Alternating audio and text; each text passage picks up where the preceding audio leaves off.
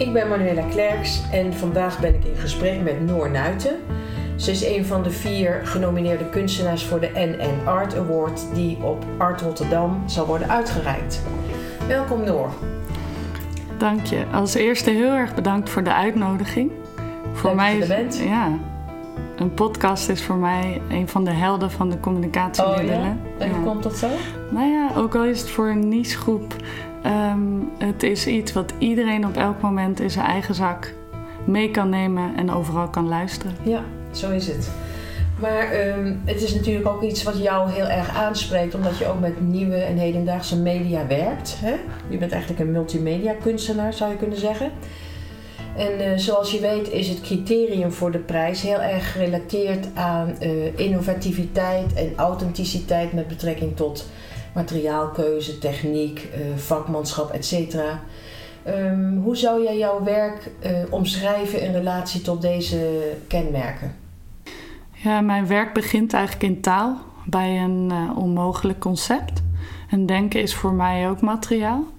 Maar daarnaast zijn het de samenwerking met ambachtslieden, met verschillende wetenschappers, met dansers, die het werk verder ontwikkelen.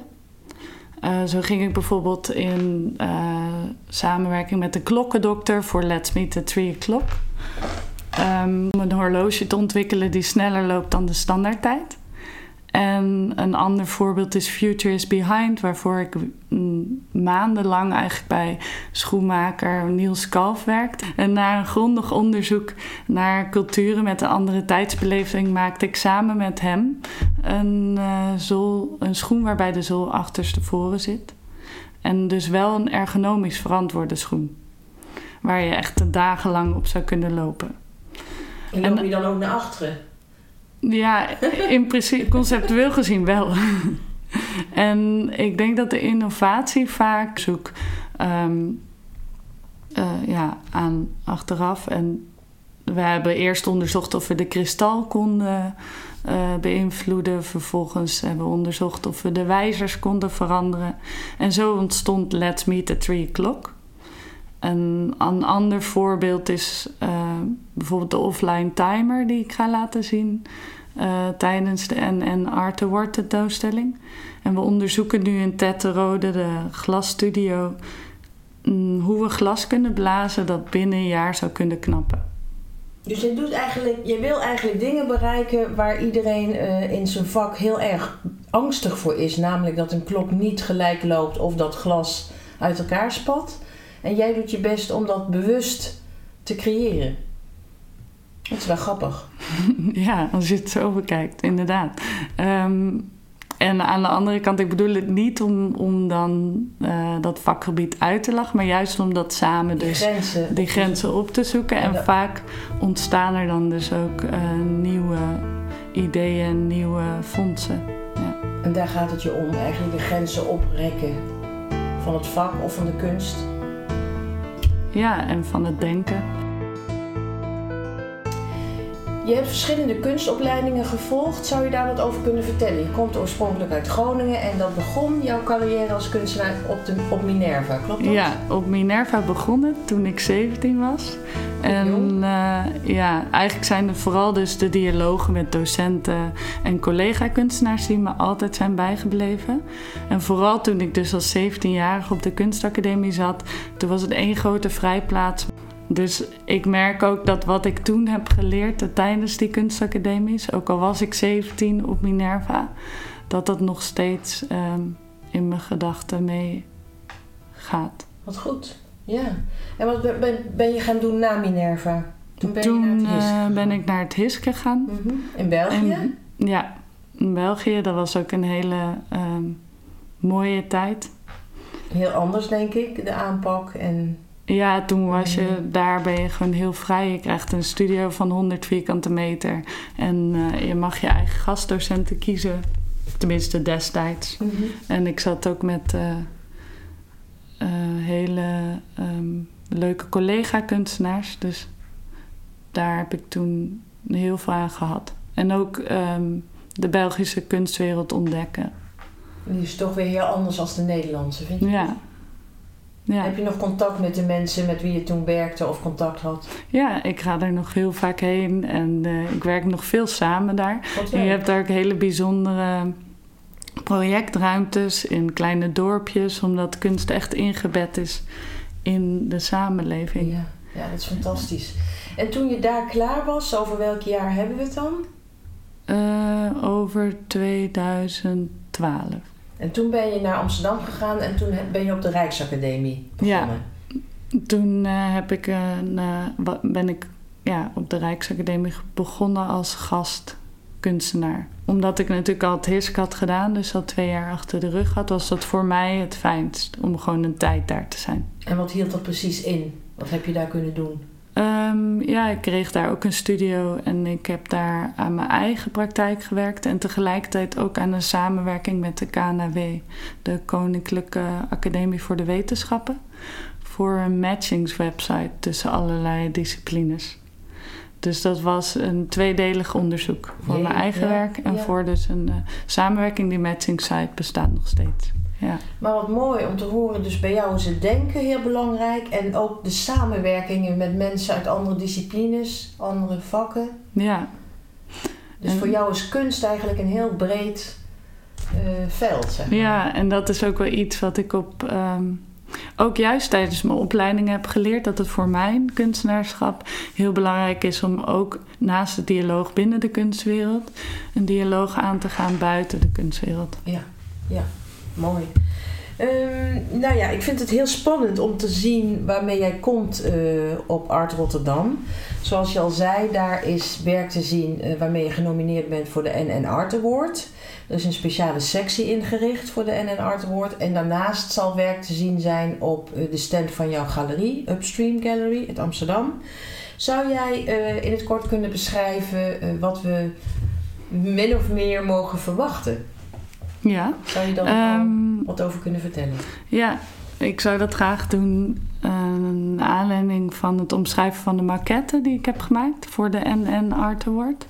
Stel, je hebt een verrekijker en dan gebruik ik hem andersom. Dan zijn we ongeveer even zo groot als mijn eh, maquette. Ja? Eh, wanneer je nu dus dan in die stand staat van de NN Award en binnenwandelt, kortom in deze maquette die ik hier heb, dan zie je onder andere mijn nieuwe werk, eh, wat zich vooral eh, focust op de materialiteit van de digitale wereld. En waarbij ik tech-iconisch materiaal met ambacht combineer. Eh, er zal een licht grijze muur zijn, dus ook in deze maquette. Mhm. En je ziet hier meerdere versies van gravitational screens. Langwerpige glazen vormen ehm, die op verschillende hoogtes naast elkaar hangen. Een gravitational screen is een resultaat van een onderzoek en een experiment eh, van de materialiteit van schermen. En een van de basiselementen op aarde die in de digitale wereld niet bestaat, de zwaartekracht. Jeetje, ja, dat Eh, ja, in het Nationaal Museum blies ik eh, in samenwerking met Marie de Bruin gesmolten schermen. Van iPads tot iPhones. En na een lang onderzoek en experimenten met ehm, hitte en zwaartekracht vonden we een manier om het glas dus te laten smelten. Mhm. En eh, door uitpakken, meten en in kaart brengen van de materialiteit van deze digitale wereld, wordt, het hopelijk, wordt je hopelijk herinnerd aan de materiële essentie van deze gefabriceerde objecten uit het dagelijks leven, die we allemaal elke dag bij ons dragen. Ik las laatst ook dat zelfs op de maan glas aanwezig is en dat eh, in een van de maansteenmonsters meegebracht door de manning van eh, de ehm, Apollo 14 glas is gevonden. Oh, echt? Ja, dus glas is natuurlijk sowieso al eeuwen oud, de techniek. En En je associeert het niet direct met de maan, nee. nee. en op een andere wand, als we dan weer teruggaan naar die maquette, zou, eh, hangt Measured Through a Screen, the Sea is 4 centimeter. Een foto van die keramisch werk in de hand, geprint op plexiglas. Ik denk wel eens, het lijkt een onschuldige actie. Zoek op Google Maps, maar dat is het niet. Eh, zoals door veel bezoekers wordt onderzoekers wordt beargumenteerd, lijkt de perceptie van tijd, ruimte te veranderen door deze schermen en de oneindige wereld daarachter. Dit werk zal gewoon op ooghoogte hangen en is in deze maquette niet groter dan je duim. Oh, echt? Ja, maar in het echt is het 21 centimeter bij 80. Ja, dus 1,20 meter. Iets verderop ligt zal beschermd in een plexiglas kubus de offline timer liggen. Mhm. Binnen een jaar zal de timer afgaan, oftewel uit elkaar springen. En wordt dat een speciaal moment? Waar ga je dat doen? Het is speculatief. Het is een, eigenlijk als een, een timer, een klok. Dus ehm, we weten dat het binnen een jaar knapt. Daarom zit het ook in een plexiglas kubus. Maar wanneer is dus... Onduidelijk. Onduidelijk, mhm. bewust. Ja, Mm, en ja, er zullen nog andere werken hangen, zoals uh, Daily Landscape, Swiped Horizon, Digital Words. En midden in de ruimte zal een standaard staan met Future is Behind. Uh, maar de opstelling in de maquette kan nog veranderen. Een van mijn eerste teksten, Vertaalde Ruimte, begint met uh, een gedicht van Francis Points, De Genoegens van een Deur. Na het sluiten van de goed geoliede deur van Points betreedt de, de lezer ruimte nul, een metafoor voor ieders denken.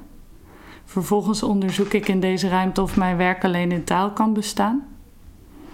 Maar juist daar waar mijn werk alleen in taal bestond, dus in die tekst onderzoek ik bij de tentoonstelling in de NN Award uh, en de groepstentoonstelling bij Upstream Gallery juist de materialiteit van de digitale wereld.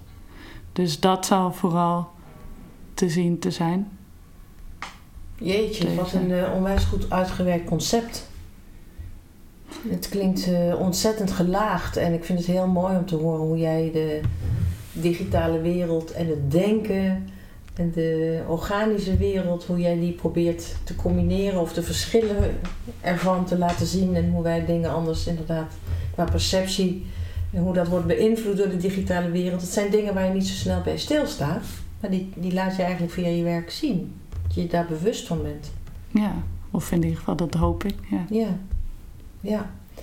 En um, nou, ik, uh, ik ben heel benieuwd. Ik verheug me om het allemaal te kunnen zien. Um, en dan ja, wie weet sta jij straks op dat podium als de winnaar. En dan krijg jij die cheque van, 15 nee, van 10.000 euro.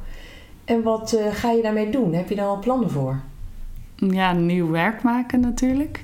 Um, maar ik heb dan ook de mogelijkheid om een project te starten op een eiland in de Middellandse Zee, waar bewoners zonder klok leven.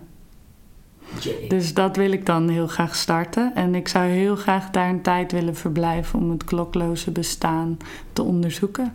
En daar is ook een hele mooie keramiek uh, studio waar ik graag mee zou samen willen werken. En een klokloos bestaan is geen tijdloos bestaan. Dus nee. dat je zegt klokloos, dat is iets anders dan tijdloos. ja, dat, dat klopt. Dan ben je niet oud. Ja. maar, um, goh, ja. Spannend. Ik hoop dat je daar uh, terecht komt. En hoe ben je daarachter gekomen dat dat eiland uh, daar is? Ik heb uh, een tijd lang ook in, um, rondom dat eiland gewerkt. En in, het is in Griekenland. Um, ja. En toen werd je gefascineerd door dat eiland en nu is het een van jouw verlangens om daar te kunnen verblijven voor enige tijd. Ja. Klokloos. Ja, omdat het eigenlijk een van de weinige eilanden is in Europa waar dus een klokloos bestaan is. Nou, ik wens je daar alvast heel veel succes mee, mocht dit realiteit worden. En dank je voor dit gesprek. Ja, graag gedaan. Heel erg bedankt ook.